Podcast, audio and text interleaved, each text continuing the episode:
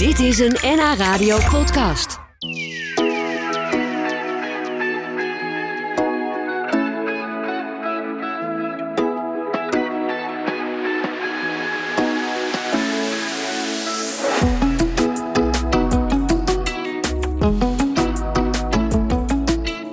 Gaan een duik nemen, niet om af te koelen, maar we gaan een duik nemen in de geschiedenis. En dat doe ik vandaag met mijn gasthistoricus historicus Mark Ponte. Hij was al eerder bij ons om, eh, ja, met verhalen uit de archieven van, eh, van de Amsterdamse notarissen. En de akten die ze opmaakten tussen 1578 en 1915, die worden bewaard in het uh, Stadsarchief Amsterdam. En die leveren prachtige verhalen op over burenruzies, onbetrouwbare straatmuzikanten en opstootjes op de markt. Mark, fijn dat je er bent. Ja, leuk om er weer te zijn. Je komt ook net binnen. Kom je net Ja. van een centraal station? Ik eh, kom net vanaf het statia- Centraal Station gerend hier naartoe. Ja, vanaf eh, Amsterdam uiteraard. Ja, ja eerder moest ik, was ik altijd in Amsterdam, maar jullie zijn verhuisd. Ja, zo is het, ja. Ehm, eh, Mark, ik had het over die, die akte. Die ben jij nu nog steeds aan het doorspitten, hè? Hoe zit dat precies? Ja, nou, dat doe ik niet alleen, gelukkig. Dat een is, een, is een, een heel groot archief. dat eeuwen Amsterdamse geschiedenis omvat. En eh, eh, zo'n 3,5 kilometer archief is dat. Ehm, en dat is dan eh eh, boekenplanklengte, zeg maar. Zo. Ehm, en dat wordt ja, op dit moment door, door tientallen vrijwilligers ontsloten. Ehm, en dat doen we omdat er ontzettend veel eh, bijzondere en belangrijke verhalen uit de Amsterdamse geschiedenis eh, in zitten. Ja. En, en tegenwoordig doen we dat niet alleen met vrijwilligers, maar hebben we zelfs ook de computer die ons helpt. Want de techniek eh, gaat ook vooruit. En Ja. steeds meer wordt ook do- door de computer. Ja, wij leren de computer. ook weer met behulp van vrijwilligers leren wij de computer ook die oude handschriften te lezen. Ah, want hoe gaat het in zijn werk? Ehm, nou, we hebben, dus eh, verschillende eh, sporen. Maar dat leren van die computer, dat werkt eigenlijk eh, als volgt. Is dat je een aantal teksten eigenlijk overtypt en zegt, nou, dit staat hier. En dan heb je een scan en een tekst. En die, die voer je dan aan de computer. Ja, het is een vorm van ja, AI. Wil ik net zeggen, het kun- ja. Intelligence zou je kunnen zeggen. Je leert de computer dus eigenlijk oude handschriften te lezen. Ja. Ja, en dan traint dat zichzelf. En dan hoef je, hoeven jullie het niet allemaal door te spitten. Of, eh, en dan doet de computer dat voor jou. Ja, maar dan nog heb je natuurlijk gewoon eh, niet daadwerkelijk die verhalen, maar alleen een hele grote bak met eh, tekst. Dus moet je alsnog weer eh, vol- vervolgprojecten om daar echt daadwerkelijk goede betekenis aan te geven. Maar daardoor wordt de, de geschiedenis veel meer beschikbaar voor iedereen die daar maar eh, in geïnteresseerd is. Dat Ja. is waar. Ja, want als we een, een stukje teruggaan in de tijd. We gaan nu voor de. We gaan nu naar de notaris voor een testament of voor een hypotheek of dat soort dingen. Maar in de eeuwen voor ons. Ja, deden we dat ook voor hele andere dingen. Hè? Ik, ik las iets dat, dat je voor uit de hand gelopen ruzies. dat je daar ook voor naar de notaris ging. Ja, zeker. Kijk, eh, destijds eh, ja, was een. Ja, was, ja, de samenleving was best wel anders georganiseerd in die tijd. En als jij eh, dus een, eh, ja, een beëdigde verklaring, bijvoorbeeld, eh, je had ruzie met je buurman en jij wilde daar uiteindelijk misschien een rechtszaak over voeren of je wilde je gelijk ergens halen, dan ging je eerst bij de notaris langs om dan te vertellen wat de buurman allemaal had uitgespookt in jouw nadeel. En dan deed de buurman dat misschien ook om dan zijn kant van het verhaal eh, te vertellen. En in die zin, kijk, de- kijk nu, eh, veel meer mensen zijn eh, geletterd en we hebben allerlei ja, zakelijke dingen. Doe je natuurlijk allemaal via de bank, et cetera. Destijds was de samenleving veel meer op vertrouwen en op, ja, op persoonlijke contacten. Maar goed, dat wilde men wel graag eh, even op schrift gesteld hebben af en toe als het nodig was. Ja, maar het klinkt bijna als een, eh, de, de verouderde versie van de, van de rijdende rechter bijvoorbeeld. Ik bedoel, die komt ook langs en die, Ja. die hoort ook eh, partij A en die hoort partij B. Ja, dat is, eh, het, het gaat van de rijdende rechter tot verkopen eh, van huizen inderdaad. Ja, Ehm, dus ja, het- kijk, als jij ruzie hebt over het gootje tussen twee huizen in, waar, jullie, waar je allebei afval eh, in of het water moet weglopen en je buurman stort daar afval in en daar heb je last van, want je hebt wateroverlast, dan ging je destijds eh, naar de notaris om dat vast te leggen. En ja. ja, dat is inderdaad een typisch wat je nu een beetje rijdende rechterachtige zaken. Maar eh, dat notarieel archief is veel omvattender, zeg maar. Het gaat ook over de wereldhandel. Het gaat over, eh, ja, natuurlijk ook de handel hier in, in, in, in Nederland, Noord-Holland. ja. Ehm, Zeker. en alles wat ertussenin zit. Nee, wat jij zegt, het zijn veel bredere dingen. Want we gaan het straks eh, niet alleen hebben over die akte, maar ook over de tentoonstelling eh, die jullie nu hebben. Dat heet uh, Familie Familie, ehm, te zien in het archief. Ehm, hebben jullie daarvoor ook het notarisarchief kunnen gebruiken? Ja, kijk, um, die familie Familie is een tentoonstelling die gaat over, uh, ja, eigenlijk over familieverhalen die zich afspelen, zowel in de stad Amsterdam als in het land Suriname, Suriname destijds ja. de kolonie Suriname. En um, ja, er is natuurlijk de laatste jaren heel veel onderzoek gedaan naar slavernij en kolonialisme. Um, en een van de dingen die we natuurlijk al lang weten, is dat ja, zo'n stad als Amsterdam en ook Hè, Holland als, als gebied, dat die uh, uh, ontzettend uh, nauw betrokken waren bij de geschiedenis van die koloniën, waaronder Suriname. Ja. En eigenlijk zelfs in het bijzonder Suriname. Net al van mijn gast hier, historicus Mark Ponte, dat die allemaal nu ook, ja, uh, hoe moet ik het zeggen, Mark? Uh, jullie zijn ze allemaal aan het digitaliseren. Nieuwe technologieën komen eraan te pas, vertelde je net al. Artificial intelligence, zodat het allemaal gemakkelijker maakt. Wordt ja. gemaakt, ja. Ja, nee, als historici gaan we natuurlijk ook met de tijd mee. kijk, die geschiedenis, die is allemaal opgeschreven in handgeschreven teksten uit, uit die tijd. En ja, door middel van die nieuwe technologieën kan je daar echt door gaan zoeken alsof, het, alsof je in Google uh, zit. Zeg maar. Nou, dat is, dat is grappig, want die technologieën gaan steeds verder. Dit is een heel klein zijstapje, maar dat moet je dan denk ik als archivaris ook interessant vinden.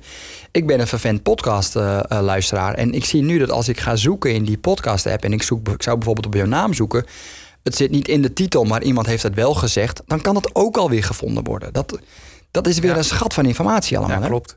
Ja. het is uh, ja, ook, ook bijvoorbeeld teksten binnen afbeeldingen. Hè? Ja. En dat soort dingen. Ja, dat, is, uh, dat komt steeds meer uh, bij kijken. Ja. Um, we duiken eventjes de geschiedenis in met jouw goedkeuring. van 1578 tot 1915 is alles bewaard gebleven.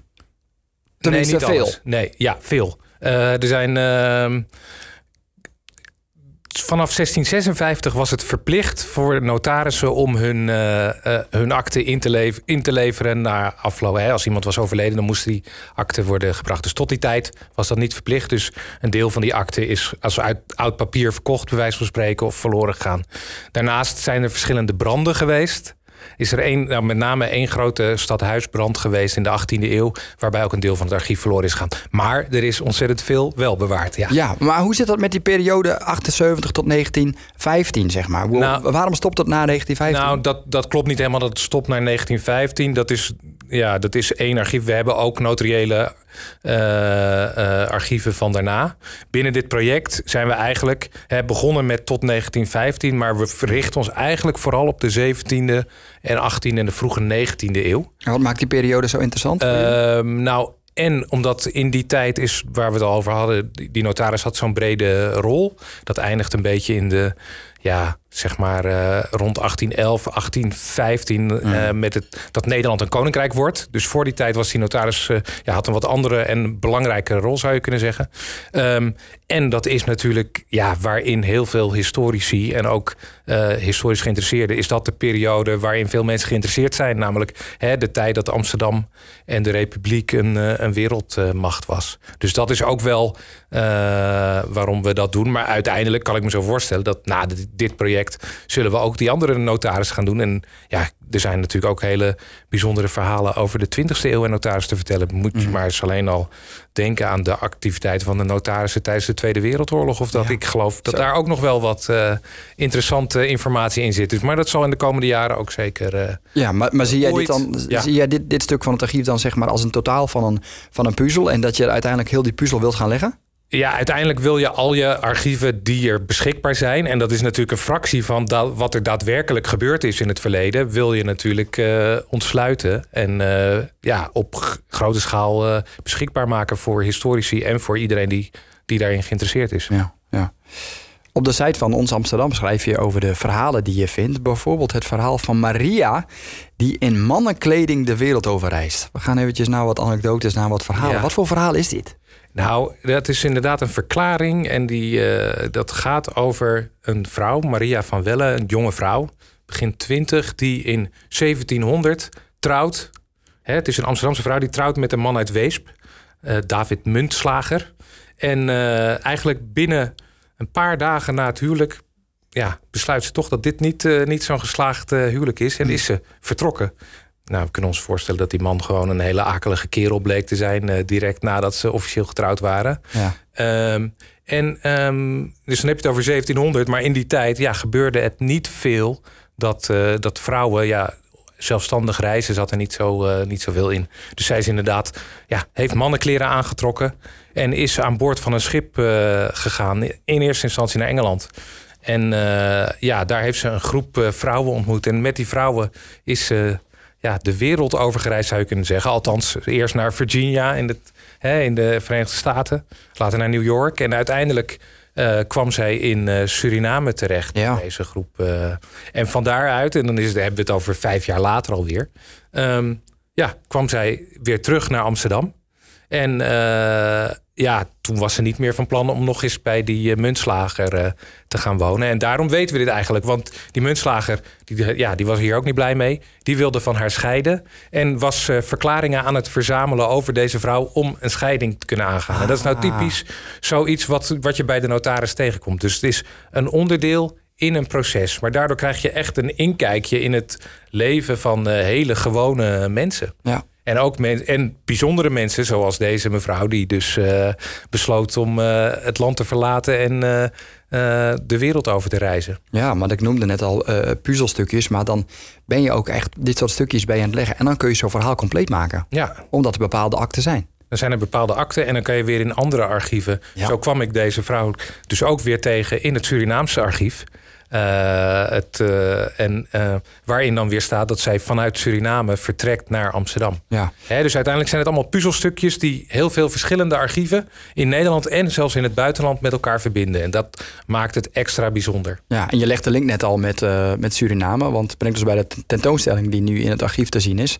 Familie, familie. Waar gaat die tentoonstelling over? Ja. Het is een tentoonstelling die we samen maken, hebben gemaakt met het Nationaal Archief in Suriname, waar we een samenwerking mee hebben. Ehm, en daar hebben we eigenlijk in beide archieven gezocht naar ja, familieverhalen die de twee plekken met elkaar verbinden. En dat nou, dus in die notariële archieven, hè, ook Suriname heeft een notarieel archief. Ehm, maar ook veel hedendaagse en ook vanuit het heden. We hebben ook met, eh, met eh, fotoboeken, familiealbums in de hand... eh, zijn we op zoek gegaan naar de verhalen achter die foto's... en de voorouders die daar dan weer bij zitten. Dus, en eigenlijk is dat een manier om naar die geschiedenis te kijken... die heel erg beladen is. Hè? Beladen door slavernij, door eh, eh, kolonialisme, contractarbeid. Ehm, maar door het persoonlijk te maken, ja, ja, kan je ook beter of die geschiedenis eigenlijk eh, ja, begrijpen ook. Van, het gaat uiteindelijk allemaal over mensen. Ja. En dat laten we in deze tentoonstelling zien. Is ook belangrijk, eh, Mark Ponte. eh, dat de dingen ook eh, goed en correct de boek ingaan. Ja, zeker. Ja, Maar dat is ook in- evident. ook in het verleden werden er veel fouten gemaakt. en kan het ook fout in de boeken staan. Dus het blijft altijd. Ja, kom je dat wel eens tegen dat je denkt... hé, maar dit is helemaal niet goed gegaan? Nou, niet goed gegaan. Ja, je hebt natuurlijk. Nou, ten eerste, je hebt mensen die allerlei belangen hebben. En ja, niet iedereen vertelt de waarheid. Wat, hè, dus ja, als, nou, wat ik zeg, als je twee buren ruzie hebben, Ja. dan proberen ze allebei eh, het beste. eh. Ja, en bovendien is het natuurlijk zo dat je maar een heel select gedeelte in de archieven krijgt. Want je, ehm, ik gebruik vaak het voorbeeld over, eh, nou, hè, als je bijvoorbeeld een crimineel komt wel sneller in het, in het archief, want Ja. die wordt opgepakt en dan. Maar ehm, bijvoorbeeld als jij, ik gebruik het voorbeeld van een brood. Als jij een brood steelt, heb je de kans dat je in het archief komt. Als je een brood deelt met je buurman, is dat veel minder in het archief. En het kan vaak dezelfde persoon zijn, maar we weten het niet. eh, eh, dat, dat, dat positieve verhaal kennen we niet. Dus dat is wel iets. Er zijn heel veel dingen eh, waar je rekening mee moet houden als je archiefonderzoek doet. Dat je het meeste weet je niet. Nee.